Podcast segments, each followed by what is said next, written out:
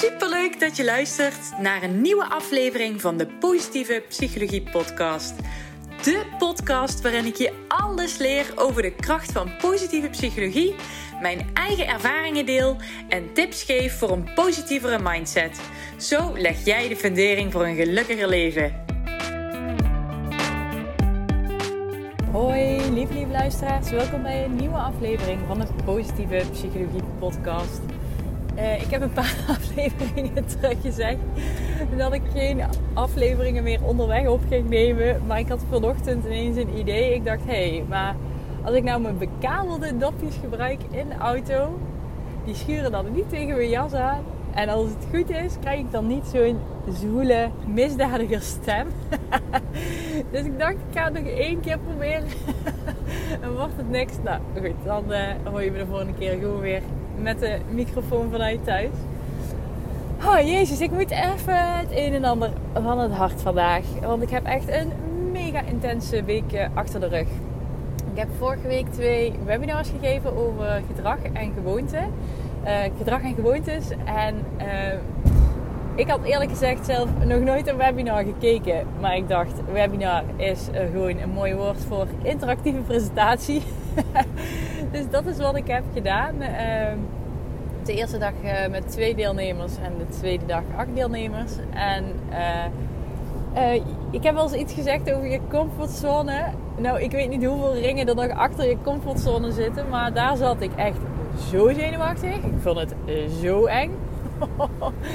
Mijn hemel. Ik kan eigenlijk niet zo goed vertellen waarom ik het dan zo eng vind. Misschien, ja, misschien weet ik het eigenlijk ook wel. Ik denk, ben dan bang dat ik door de zenuwen niet uit mijn woorden kom. Of uh, dat uh, mensen misschien me vragen stellen waar ik geen antwoord op weet. En dat is uiteindelijk natuurlijk helemaal goed gekomen. Maar zoveel zorgen van tevoren. en van tevoren ook vijf keer naar het toilet in vijf minuten. Echt ongelooflijk. Helemaal zenuwplasjes. En dan denk ik, waar ben ik nou toch zo zenuwachtig voor? En die eerste keer ging, ze gingen allebei goed. Maar uh, na de eerste keer had ik helemaal zo'n gevoel van, woehoe, ik kan dit. Ik heb dit vet goed gedaan. Ik heb helemaal zin in morgen. En die tweede dag begon het gewoon weer van voren aan. Toen dacht ik, oh mijn hemel. Dus ik was na die twee dagen echt helemaal gesloopt. Dus wil je me helemaal zenuwachtig zien? wat zien vertellen over gedrag en gewoontes, dan uh, check even mijn website elinevanbeek.nl. Ga even naar de pagina van Breaking the Habit en scroll helemaal naar beneden en dan kun je daar uh, je gegevens achterlaten en dan krijg je de webinar direct in jouw inbox. Um, dit is op het moment van opnemen zo. Ik verander mijn website nog wel eens. Dus, uh, maar nu staat hij in ieder geval op die plek. Um, dus dat, wat is er nog meer allemaal gebeurd? Um, de lancering van Breaking the Habit die is niet helemaal zo gegaan als ik had gehoopt. Uh, allereerst de pre-order die is wel helemaal geslaagd. Alleen daarna heeft uh, niemand zich meer aangemeld. En daar baal ik eerlijk gezegd van. En ik had dat ook open gedeeld op mijn Instagram. Nou, ik baal ervan dat uh, mensen zich niet hebben aangemeld. En ehm, ik heb mensen eigenlijk om feedback gevraagd. Van nou luister, ik, ik, ben, ik vind het programma helemaal de shit. ik heb hier zo mijn hart, in, mijn hart, mijn ziel, mijn alles ingestoken. Um, wat, waarom heb jij besloten om wel in te stappen? Waarom heb jij besloten om niet in te stappen? En ik dacht, misschien is het helemaal niet een ondernemersding om deze onzekerheden en twijfels zo open te delen. Um, maar ik ben echt super blij dat ik het heb gedaan, want ik was het daarna kwijt en ik heb super waardevolle feedback gekregen. Want ik kreeg van heel veel mensen terug ja, maar welke uh, slechte gewoontes kan ik dan afleren? En welke goede gewoontes kan ik dan aanleren met Breaking the Habit? En ik gaf daarop telkens het antwoord. Ja, wat je maar wil eigenlijk. Want het programma is zo breed opgezet dat elk gedragspatroon wat jij wil veranderen, dat dat mogelijk is met dit programma. Um, maar mensen wilden dus concreet weten welke gewoontes ze uh, konden veranderen met Breaking the Habit. Dus ik heb afgelopen week in mijn stories uh, een poll gezet. Dan konden mensen stemmen op, uh, op welke slechte gewoontes ze hadden en waar ze dan het liefst van af wilden. En uh, daarvan, daaruit heb ik uiteindelijk een top 5 gemaakt. De top 5 gestemde. sorry, moet ik dat zeggen? de top 5 meest vervelende slechte gewoontes. op 1 stond ongezond eten. Op 2 stond te veel schermtijd. Op 3 negatief denken. Op drie. ik weet het niet meer. Op drie en vier zat ook nog iets. Maar uh, aan de hand daarvan ben ik dus elke dag nu, deze week, op mijn Instagram en IGTV aan het delen over uh, die, een van die uh, gewoontes, of die slechte gewoonten. En um, wat voor transformatie eigenlijk met Breaking the Habit doorgaat. Bijvoorbeeld ongezond eten. Die, die video daarvan is ma afgelopen maandag online gekomen. Um, als mensen gaan, ik zal misschien hier wel een korte introductie over vertellen, dat is misschien wel leuk. Uh, als mensen vaak uh, willen gaan starten met gezonder eten, um, dan is, is bijna de tactiek van iedereen om meteen alles over de kop te gooien. Ik ga, en hoor je vaak, ik ga vanaf uh, aankomende maandag op dieet. Die hoor je heel vaak. En um, dan ga je in één keer 500 calorieën per dag eten, of calorieën tellen, of extreem gezond eten. Alleen maar groenten en fruit en god weet waar allemaal, ehm, maar niks ongezonds. Er worden altijd extreme veranderingen gemaakt en meestal hou je dat best nog een tijdje vol. Meestal een paar weken, soms zelfs een paar maanden. Maar toch komt er altijd weer een punt dat je vervalt in oud gedrag. En um, ja, dat is super zonde. Maar waar ligt dat nou aan? Omdat je de lat vet hoog legt. Waarom zou je in één keer al je maaltijden per dag veranderen? Stel je eet uh, zes keer per dag. Hè? Dus uh, ontbijt, lunch, uh, avondeten en dan drie tussendoortjes. Waarom zou je niet gewoon starten met één maaltijd? Waarom start je niet gewoon met één keer in de week in plaats van naar de McDonald's thuisbezorgd te bestellen, dan een gezonde, gezond eten? Of in plaats van calorierijke maaltijd één keer in de week s'avonds gezond eten? Dat is uiteindelijk ga je naar hetzelfde doel toe, maar dat lijkt me een veel behapbaardere verandering dan meteen alles over de kop uh, gooien. Dus dat is precies wat ik met Breaking the Habit doe. Breaking the Habit is geen dieet. Maar uh, met Breaking the Habit ga je kijken van nou, wat is nou hetgene wat ik wil bereiken. Ik wil me gezonder voelen, ik wil lekkerder in mijn vel zitten. Um, ik, ik, wil wat vaker fruit gaan eten, ik noem maar wat. Um, met Breaking the Habit ga je dat juist in hele kleine stapjes bereiken. Dus één keer uh, een maaltijd vervangen voor iets gezonds. En lukt dat voor een paar weken, nou dan doe je er nog een maaltijd bij. En dan kan je wel denken, ja jezus, dat gaat me allemaal niet snel genoeg. Ik wil nu veranderen. Ja, maar hoe vaak heb je al niet zo'n dieet geprobeerd? En hoe succesvol was dat op de lange termijn? Dus met Breaking the Habit ga je op een simpele, maar doeltreffende manier. En een leuke manier, want ik heb alles in een jasje van positieve psychologie gegoten natuurlijk ga je uiteindelijk werken aan jouw einddoel. En dat is niet per definitie afvallen. Want dan moet je weer gaan presteren van jezelf. Hè? Afvallen is een prestatiedoel. Maar het onderliggende doel is dat jij je gezonder wilt voelen. Dat je lekker in je vel wil zetten, zitten. Dat je een positiever zelfbeeld krijgt. En dat doel ga je uiteindelijk in kleine stapjes aan werken. Echt helemaal, helemaal super leuk. Want het is een totaal andere benadering. Want ik werd laatst uh, door een uh, diëtiste benaderd. Die zei: Oh, als je informatie wil hebben over gezonde voeding, dan wil ik wel aansluiten. Maar het is geen, ik, het is geen dieet. Ik, ik, Breaking the Habit is een programma om gedrag te veranderen. En op een positieve manier. En ik hoef het niet tegen jou te vertellen wat gezond eten is. Want dat weet je zelf ook donders goed wel. Dus. Um, dat. Dus mocht je het leuk vinden, uh, er staan inmiddels uh, twee video's al online van afgelopen maandag, afgelopen dinsdag. Dus uh, ze duren, volgens mij de langste duurt 7 minuutjes. Dus kost echt niet heel veel van je tijd. Dus kijk uh, eventjes lekker mee op mijn Instagram. Elina van Week underscore online coaching. En um, ja, wie weet is Breaking the Habit wel iets voor jou. Nu je weet wat voor gewoontes en wat voor gedrag je ermee kan aanpakken. Goed, um, heftige week deel 3. um, ehm, jeetje, ik uh, ontving een paar dagen terug een berichtje. Um, ik had mijn vorige podcast opgenomen over dat ik uh, uh, de label trekken van narcistische persoonlijkheidsstoornis had gekregen. En iemand die.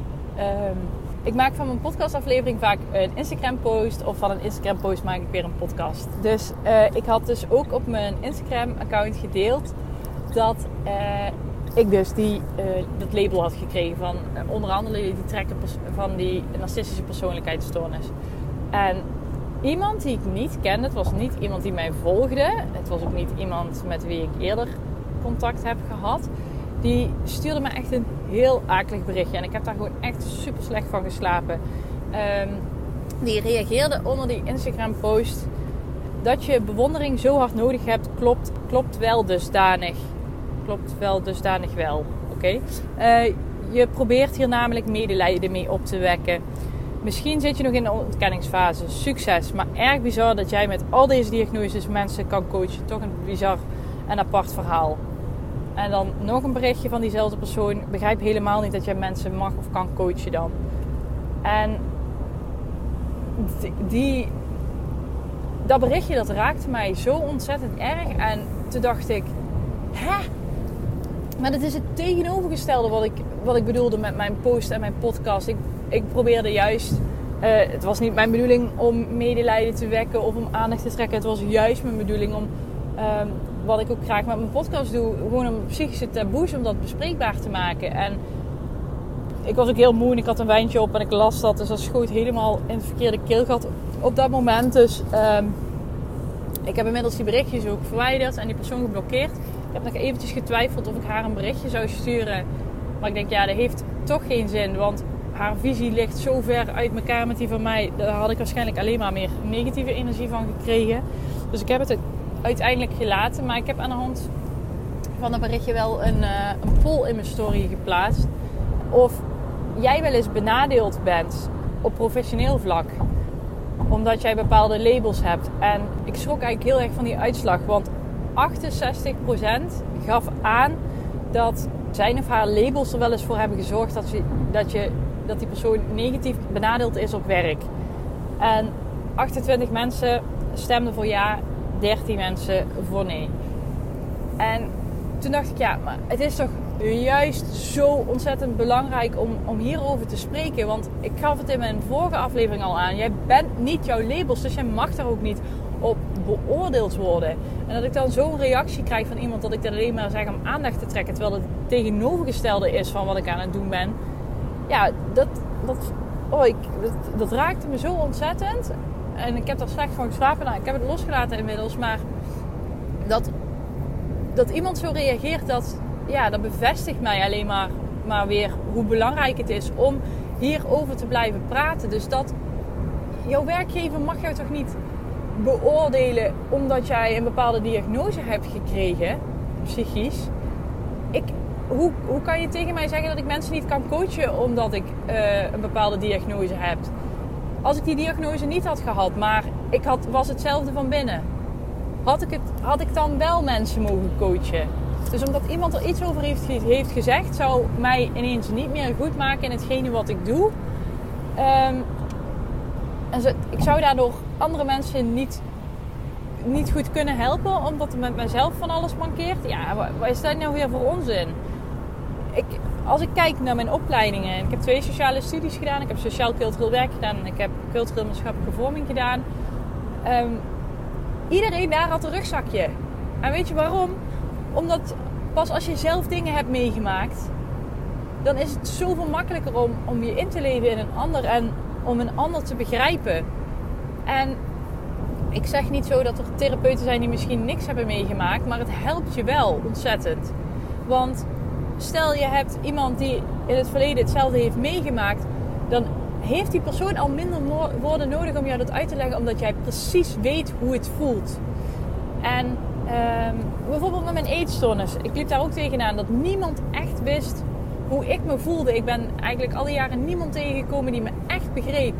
Mensen luisteren naar je, maar ze snappen het niet echt. En juist als jij een therapeut, een coach, een psycholoog voor je hebt die oprecht snapt uit eigen ervaring hoe het voelt en hoe het is om, zo, om je zo te voelen, dan, dan maakt dat je alleen maar krachtiger en beter in hetgeen wat je doet. Wat ik daarnaast ook heb geleerd, en dat was een van de eerste dagen van mijn studie, is dat als iemand anders hetzelfde heeft meegemaakt als jij, dat dat niet per definitie bij die ander dezelfde gevoelens of dezelfde gedachten op eh, heeft geroepen. Dus je begrijpt iemand tot een bepaalde, ja, tot een bepaalde mate, tot een bepaald niveau. Maar je mag niet jouw eigen ervaring op die ander koppelen. Je moet altijd nieuwsgierig blijven en altijd doorvragen want uh, door jouw idee van diezelfde gebeurtenis op die ander te plakken, uh, ben je eigenlijk al bevooroordeeld. Ben je niet meer met een open mind aan het luisteren naar die ander. En daarnaast was ook nog een dikke tip die we meekregen, is dat een ander, als een ander vertelt die iets heeft meegemaakt en je herkent dat, dat je daarbij niet een compleet verhaal van jezelf op gaat hangen. Dus als een ander zegt, oh, ik heb, ehm, ik heb een burn-out gehad. Dat je daarbij zelf echt in geuren en kleuren over je eigen burn-out gaat vertellen. Want je bent daar om die ander te helpen en niet om je eigen verhaal op te hangen. Dus uh, je goed in kunnen leven in een ander, omdat je dingen hebt meegemaakt, is een kracht. Maar je moet daar ook bij opletten. Um, goed. Terug naar dat berichtje wat me zo erg raakte. Want waarom raakte me dat? Ik ga er toch nog even op terug. Omdat ik uh, heb heel stoer gezegd de vorige aflevering. Ik heb het naast me neergelegd. Maar uh, in de praktijk kwam ik erachter dat dat uh, niet zo was. Want ik begin bij alles nadenken van... Oh, als ik nu eventjes niet naar iemand luister... Ben ik dan narcistisch? Of uh, ben ik misschien dan toch bewondering aan het vragen... voor wat ik mee, mee heb gemaakt? Dus bij alles wat ik deed daarna... Bij alles wat ik dacht... ging ik twijfelen van oh, maar zie ik dit zelf dan niet anders omdat ik juist die trekken heb? Ik ben toch aan mezelf gaan twijfelen. Ook al had ik met mezelf afgesproken dat dat niet hoefde. Um, ik ben mezelf toch tegen een ander licht gaan zetten. En ik denk ook misschien daarom, omdat ik al in die onzekerheid en in die twijfel zat, dat zo'n berichtje extra, extra veel pijn deed eigenlijk. Omdat ik weer ging twijfelen aan mezelf. Van oké, ik zeg het niet, ik deel het niet om medelijden te wekken, maar misschien doe ik dat toch wel zonder dat ik het zelf door heb. En is dat mijn blinde vlek? Nou ja, je, je kan jezelf goed gek maken.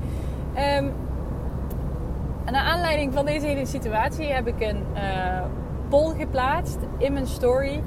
En um, daarin heb ik de vraag gesteld hoeveel uh, mensen dit herkennen en hoeveel mensen uh, eigenlijk negatief benadeeld zijn op, op een professionele wijze door hun labels. En 68% van die mensen reageerden: ja, ik ben wel eens negatief benadeeld door mijn labels op het werk. En ja, dat vond ik echt heel erg schrijnend om dat zo te lezen. Want 43% van de Nederlanders krijgt ooit ergens in zijn leven te maken met psychische klachten. En dat dan zo'n groot deel daardoor negatief benadeeld wordt op het werk. Ja, dat vind ik gewoon echt oprecht heel erg. En ik denk ook dat het een vaak een stukje onwetendheid is. Van, oh, jij hebt deze diagnose, dus jij zult wel dit en dit en dit niet kunnen. Um, zodra jouw werkgever daar lucht van krijgt, kan hij daar wat van vinden. En um, ja, hoe verschrikkelijk is het als jij daardoor negatief benadeeld wordt in jouw werk en in jouw kunnen.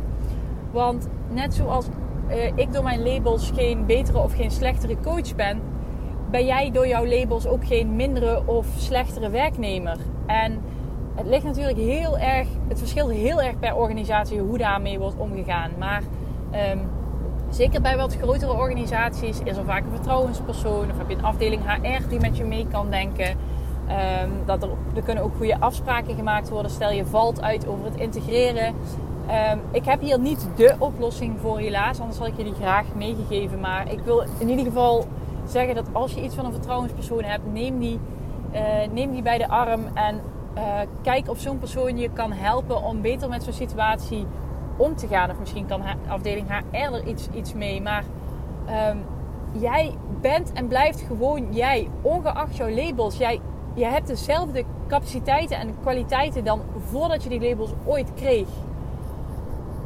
En wat ik tegen jou zeg, moet ik nu ondertussen ook tegen mezelf zeggen. Dus ik snap dat je er onzeker van wordt. Ik snap dat je ervan gaat twijfelen. Ik heb dat zelf dus, ondanks dat ik het zo stellig zeg, heb ik het zelf ook weer ervaren. Dat ik toch weer ben gaan twijfelen aan mezelf. En eigenlijk is dat zo, zo, zo zonde.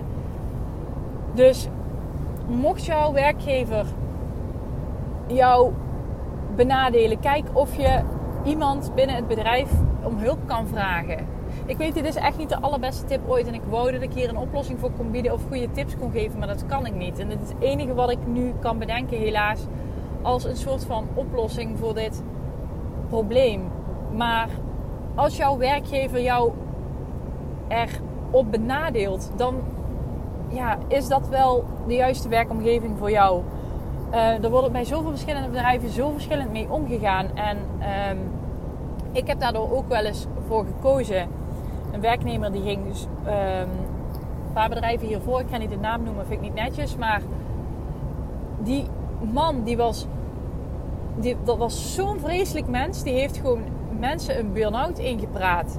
Die heeft mensen echt letterlijk tot de vernieling gebracht. En ik stond daarbij te kijken terwijl dat gebeurde. En ik, ik stond gewoon machteloos. Ik, ik, heb, ik heb een gesprek met, uh, met hem aangevraagd. Ik heb een gesprek met de leidinggevende erbij aangevraagd. En die man stond gewoon in zijn kracht omdat hij de manager is. En hij, hem kon niks gemaakt worden. En hij deed alles super sneaky. En ik heb er toen voor gekozen nou, ik wil hier geen dag langer meer werken. Ik ga niet in deze zieke omgeving blijven werken. Dus ik heb mezelf daarvoor beschermd. Ik had een niet heel kort daarvoor zelf een burn-out gehad. En ik dacht, als ik heel langer blijf werken, dan, krijg, dan heb ik er weer eentje te pakken. Die sfeer was zo verschrikkelijk daar. Ik kwam elke dag op de werkvloer. Er waren wel weer mensen aan het huilen. En ik dacht, ik moet mezelf hiervoor beschermen. Ik wil niet dat ik dadelijk ook door hem helemaal gesloopt word. Want hij speelde smerige psychologische spelletjes. En ik heb toen mijn ontslag ingediend. En ja, dat was echt heel shit. Want ik zat dus in één keer zonder inkomen. Maar ik dacht, ik vreet nog liever kaal brood. Dan dat ik nog een dag langer met hem samen in één ruimte moet zijn. Dus ik, ik, ik kan me voorstellen dat jij misschien niet die financiële vrijheid hebt. Ik had die destijds natuurlijk ook helemaal niet. Maar uh, probeer jezelf ervoor te beschermen. Want in zo'n ja, nare omgeving blijven, daar schiet je uiteindelijk ook geen steek mee op. Goed, deze podcast is echt een hele rent geworden. I'm very sorry. maar je weet hoe ik ben, real and raw. Dus alles wat ik denk, zeg ik eerlijk en deel ik eerlijk. En dit keer was het misschien mijn persoonlijke frustraties die er even uitgegooid moesten worden. Ik hoop dat je er ondanks dat wat aan hebt gehad. En ik beloof dat de volgende aflevering weer wat vrolijker gaat worden. Bedankt weer voor het luisteren en hopelijk tot de volgende keer. Heel erg bedankt voor het luisteren. Mocht je deze aflevering interessant hebben gevonden, maak even een screenshot, deel het in je story en tag me op Instagram. Mijn accountnaam is Eline Verbeek underscore online coaching. Zo gun je ook anderen een positieve mindset. En ik vind het heel erg leuk om te zien wie er allemaal geluisterd hebben. Tot de volgende keer!